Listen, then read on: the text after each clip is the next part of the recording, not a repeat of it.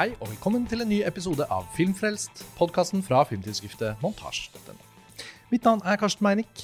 Vi er fortsatt i Venezia, og i dag skal vi snakke om Todd Fields nye film Tar. Og med meg i panelet så har jeg Lars Ole Kristiansen. Hei, Karsten. Hei, Lars Ole. Og Ida Madsen Hestmann. Hei, Karsten. Hei, Ida. Tar er en uh, ny film av Todd Field, altså. Og han har jo ikke på en måte endt opp med, som en sånn stor autør, kanskje. Han har laget to spillefilmer tidligere, og jeg har faktisk ikke sett noen av dem. In the Bedroom og Little Children. Men som du stadig påminner oss om når vi snakker om denne filmen, Lars Ole, så er jo Todd Field egentlig mest kjent som Nick Nightingale i Ice Wide Shut. Ja, han spiller den eh, rollen som for de som elsker den filmen, i hvert fall, er veldig ikonisk. Og ble regissør og har egentlig ikke spilt i noe særlig annet uh, å bemerke seg. Men det tar veldig lang tid mellom hver Todd Field-film. Man si. Så man kunne jo undre seg hvor er det egentlig blitt av Todd Field før han nå dukket opp med denne filmen. Og eh, vi ble enige om at jeg bare kort skal si hva den handler om, før Yes. vi begynner samtalen. Filmen handler om Lydia Tarr, spilt av Kate Blanchett, som er en stor musiker, eh, komponist, dirigent. Og særlig da dirigent, som er den, det yrket hun da kanskje on the top of the world med eh, når filmen begynner. Første scenen så blir hun intervjuet på scenen i New York av en eh, journalist fra The New Yorker, tidsskriftet. Og på en veldig sånn elegant måte så får vi da ganske mye bakhistorie og presentasjon om henne. Men vi får også se Kate Blanchett i rollen som Lydia Tarr, veldig virtuost. Både svare superintelligent på kompliserte spørsmål om sitt virke som dirigent, Og, Og- klassisk musikk. og om klassisk musikk. Og at hun henvender seg med sjarme til publikum i salen og er veldig sånn vinnende vesen. Hun, hun fremstår en ekstremt troverdig sånn verdenskjendis i sitt felt. Og dette er en film som handler om den klassiske musikkens verden, og som tar det veldig på alvor, og som ikke gir ved dørene til et publikum som kanskje ikke har masse forkunnskap. Så her er også en film man kan lære veldig mye av. Og hun har akkurat da inntatt den veldig prestisjetunge rollen som sjefsdirigent for Berlinerfilharmonien. Og hun bor i Berlin. Hun eh, er, Om hun er gift eller bare sammen med, så er hun jo da i hvert fall lesbisk, og er sammen med en karakter spilt av Nina Hoss, som er førstefiolinisten i Berlinerfilharmonien. Og de har et barn sammen, går på skole i Berlin, men Lydia Tarr hun er hele tiden ute på ulike reiser, ulike møter, møter med agenten, plateselskapet osv. Så og så tas vi inn i Lydia Tarrs verden. Og hun underviser også på Juilliard når hun er i New York der i åpningen. Og da får vi se en sånn fantastisk En av de første scenene liksom, hvor vi blir kjent med henne, da, som er en one take inni en sånn um, Auditorium. auditorium ja, Ja. med liksom mu musikk- og komponiststudenter og musikere. Og Lydia tar, eh, tar rommet, for å si det sånn. Og um, der er det særlig da én student som er litt sånn i opposisjon til henne, og som sier at han ikke bryr seg noe særlig om Bach, og hun kan ikke forstå hva mener du. Og så havner hun i en ganske hard eh, meningsutveksling med ham, som er, føles veldig i tiden, og, um, og den kommer vi sikkert tilbake til. Men i da, på en måte, det å bare kort si noe om plott i filmen her, så er det denne typen scener i starten som tegner opp Lydia Tarr litt sånn, ikke grovt, men litt sånn tydelig. Og det er en ganske sånn renskåret film som beveger seg tross alt rimelig fort fremover i at liksom vi skjønner at hun er i bevegelse. Og det skjer noe i Berlin, og det skal fremføres, og det skal innstuderes, og det skal settes nye solister til. Så det skjer ganske mye, da. Og så utvikler jo filmen seg fra det til å handle om veldig mye forskjellig. Det skal vi snakke om nå, men det er Tar. Og uh, jeg, jeg syns den gikk av som det første store, virkelig sånn wow-verket her i Venezia.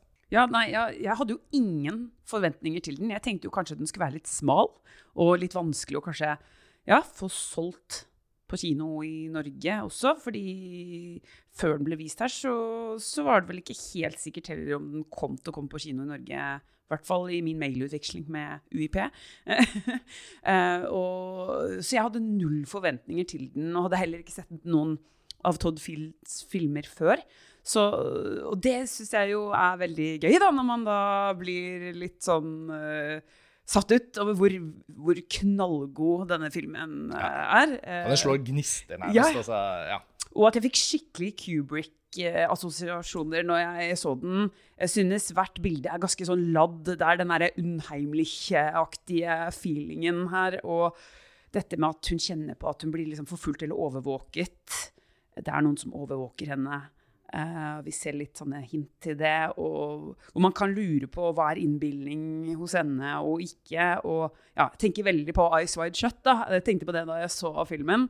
Um, samtidig som, som jeg er veldig uh, begeistret over den, hvordan de uh, behandler disse Altså de debattene som, som går nå, eller det som handler om cancel-kultur og, og, det med å ja, kansellere noen og, og wokeness eh, som Renvasking av eh, kunsthistorien. Ja. Eh, Og maktstrukturer innad ja, i hierarkiske kunstfelt som klassisk musikk er veldig. da. Ja. At eh, Dirigentene for disse store orkestrene har jo hatt en sånn gudelignende posisjon. Mm. Og hun, Lydia Tarr eksisterer jo i vår verden.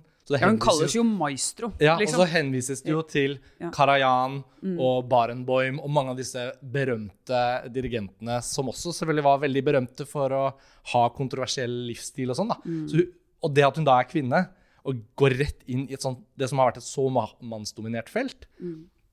det er bare så utrolig interessant. Og, og Ja, jeg tenkte jo veldig på når jeg satt der, at åh, er dette litt som om man eksperimenterer med hva hvis en kvinne gjorde akkurat de samme tingene som en mann i den samme rollen, eller med samme Posisjonen. status, posisjonen.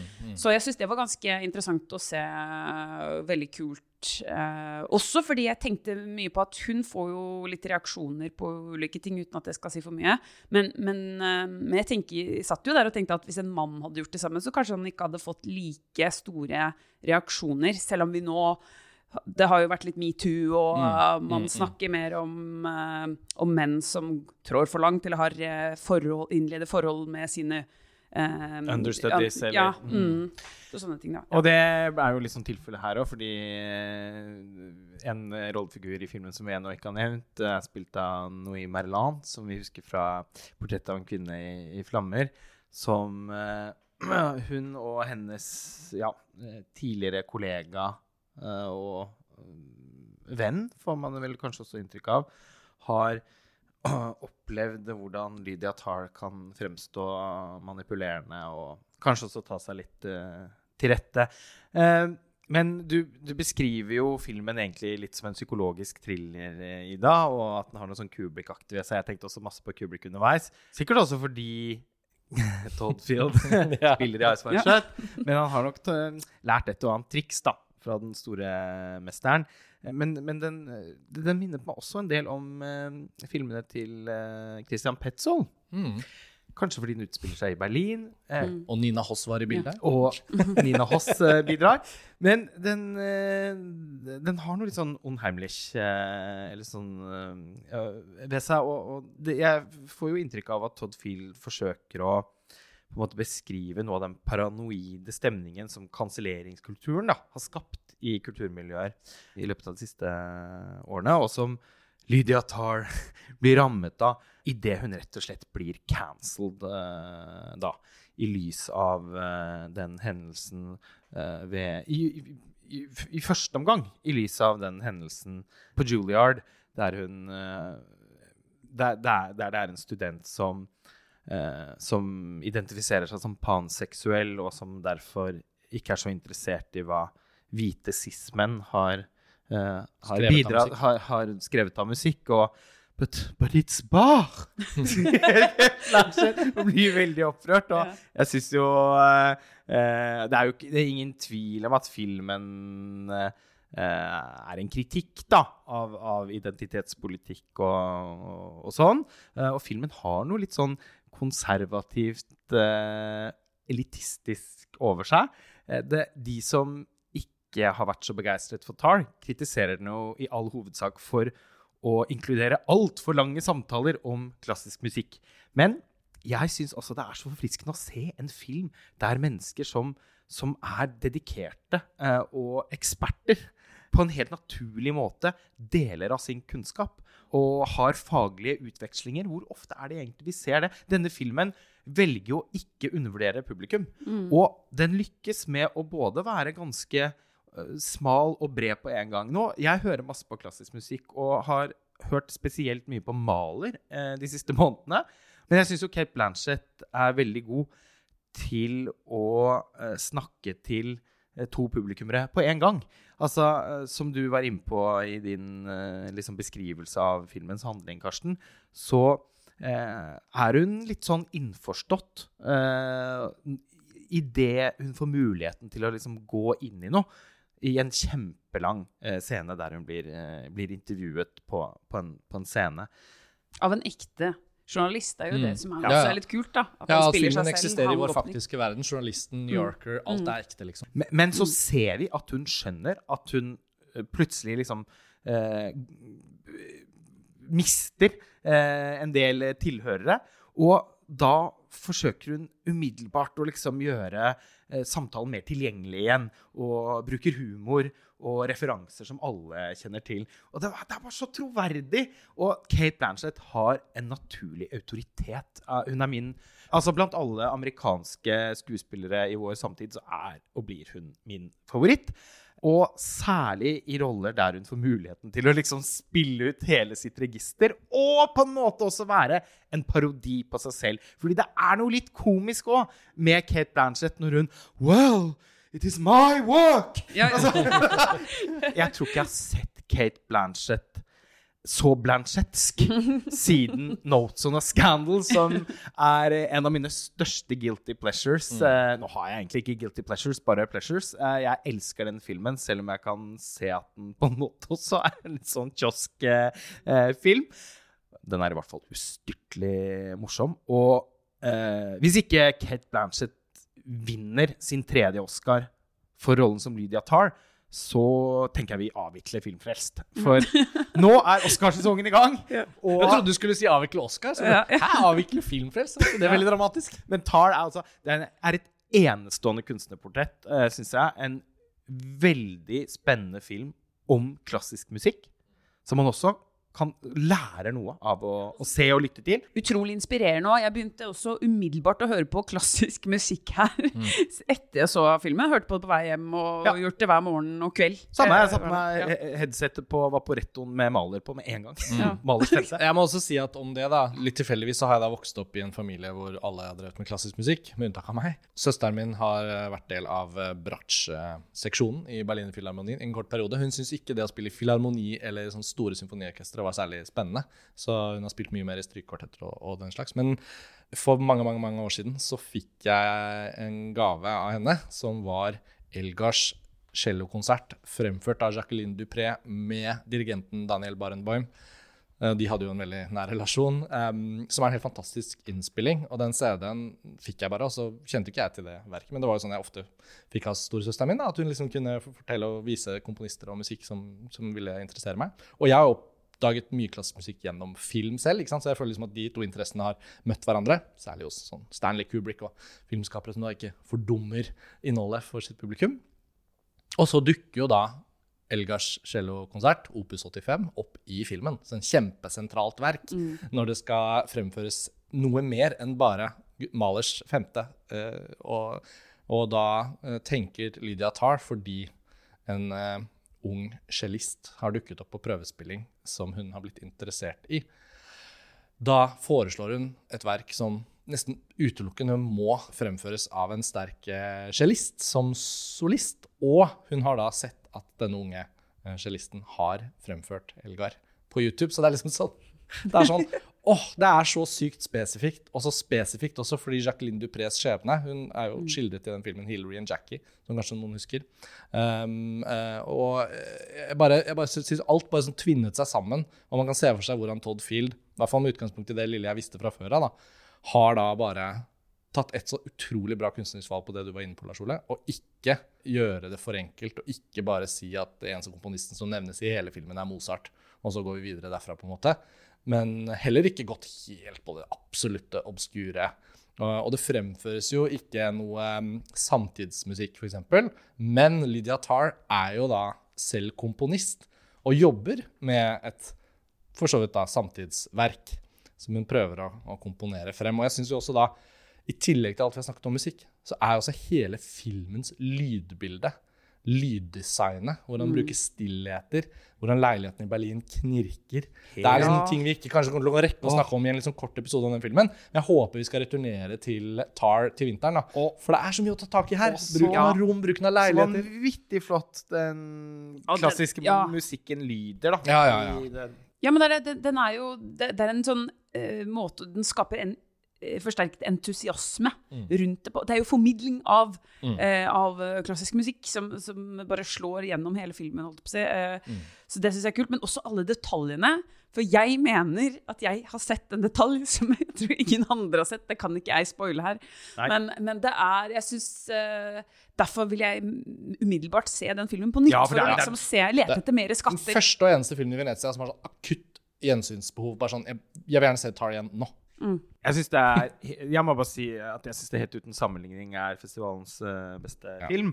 og årets amerikanske film så langt. Eh, den er rett og slett et eh, mesterverk, syns jeg. Og jeg har sett de to forrige filmene til Todd Field også. Og det var, det var ikke noe ved dem som, som skapte forventninger om Tar. Lovnaden om Nei, Tar var nei ikke den, den finnes ikke i Little Children eller In The Bedroom, eh, nei. synes jeg.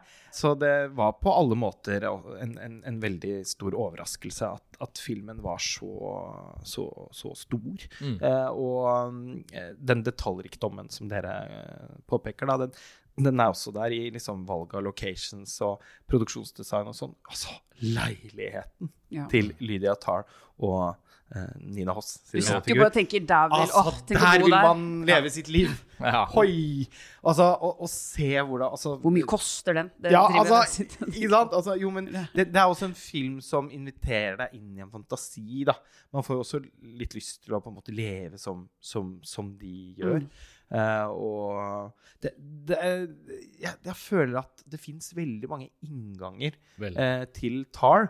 Eh, og jeg tror ikke man heller kommer ut uh, samme sted, fordi filmen handler om mange ting. Og det er den første store filmen om cancel culture, uh, som i seg selv gjør den vesentlig, da. Jeg tenker, mens vi er her nå, det pågår jo akkurat nå i Norge en heftig debatt om Karpes tidligere tekster. Og da sitter og ser denne filmen og tenker på den, så tenker jeg sånn Shit. ehm, jeg tenker at de spørsmål som gjelder for altså, cancel-kultur og, og hvorvidt man skal sensurere kulturhistorien eh, De som har bastante meninger om det, og tenker det bare er det bare er å fjerne ting. Da tenker jeg man burde kanskje se den filmen her. Og, for da syns jeg hun har øh, Fordi man kan jo mene mye om eh, Tar, og heldigvis er ikke den svart-hvitt heller. Men, Nei, nei. men hun har Hun noen veldig gode poenger i den ranten. Selv om hun er en usympatisk måte, rollefigur, i alle fall etter hvert, Ja. så er hun også en man til dels identifiserer seg med, Mm. og hun har noen veldig gode poeng. Og man kan se, man, altså, det er som om verden rakner da, for Lydia Tar. Det er noe som skjer i verden som hun ikke klarer å stå i. Og av og til har vi sagt det, eh, at åh, vi kommer sikkert til å returnere til denne filmen på Filmfrels. og så ender vi ofte ikke opp med å gjøre det, fordi at vi heller lager en episode om en film vi ikke har snakket om på Filmfrels tidligere. Ja. Men jeg mistenker at vi blir nødt til å, øh, til å ha en ny samtale om Tar etter at vi har sett filmen flere ganger. Ja, og det kan også inntreffe daten for kinopremiere i 2023, som gjør at vi ikke får snakket om på årslistepodkasten før i 2024, og det er litt lenge til, syns jeg. det skjer jo av og til. Um, men um, nei, altså Vi er på festival, og vi pleier å avslutte episoden med at vi skal noe rett etter at vi har gjort opptak, og det er også tilfellet nå. Sånn at uh, Det er jo også noe av stilen i våre festivalepisoder, men det er jo mye viktigere å få tatt denne gode praten, og særlig Ida, siden du fortsatt er på festivalen, og også hadde sett Tar, som ble vist ganske tidlig, så syns jeg vi har hatt veldig flaks og veldig glad for at du kunne være med. og Takk ta, ta deg tid til dette. Tusen takk for det. Og jeg vil oppfordre alle lytterne våre nok en gang til å sjekke ut uh, nettidsskriftet du er redaktør for, tbatba.no. I Rike Exodus-episoden så skjønte jeg det at det var tba.tba.no, Lars Ole. Så jeg vet ikke om jeg gjorde det feil når jeg sa det på norsk, men Nei, eh, det høres jo kulere ut å Ja. si TBA, så, så jeg kjente litt at jeg må, må lære litt, da. Siden det var så gøy å høre deres episode om Lars von Triers Rike Exodus. Men Ida, skikkelig gøy å ha deg med på disse episodene her i Venezia. Håper du har hatt en bra festival, og at alle da går og leser det andre du har laget fra festivalen på tba.tba.no. Takk. Takk for denne gang. Ha det bra, alle sammen. Ha det bra. Ha det. Ha det.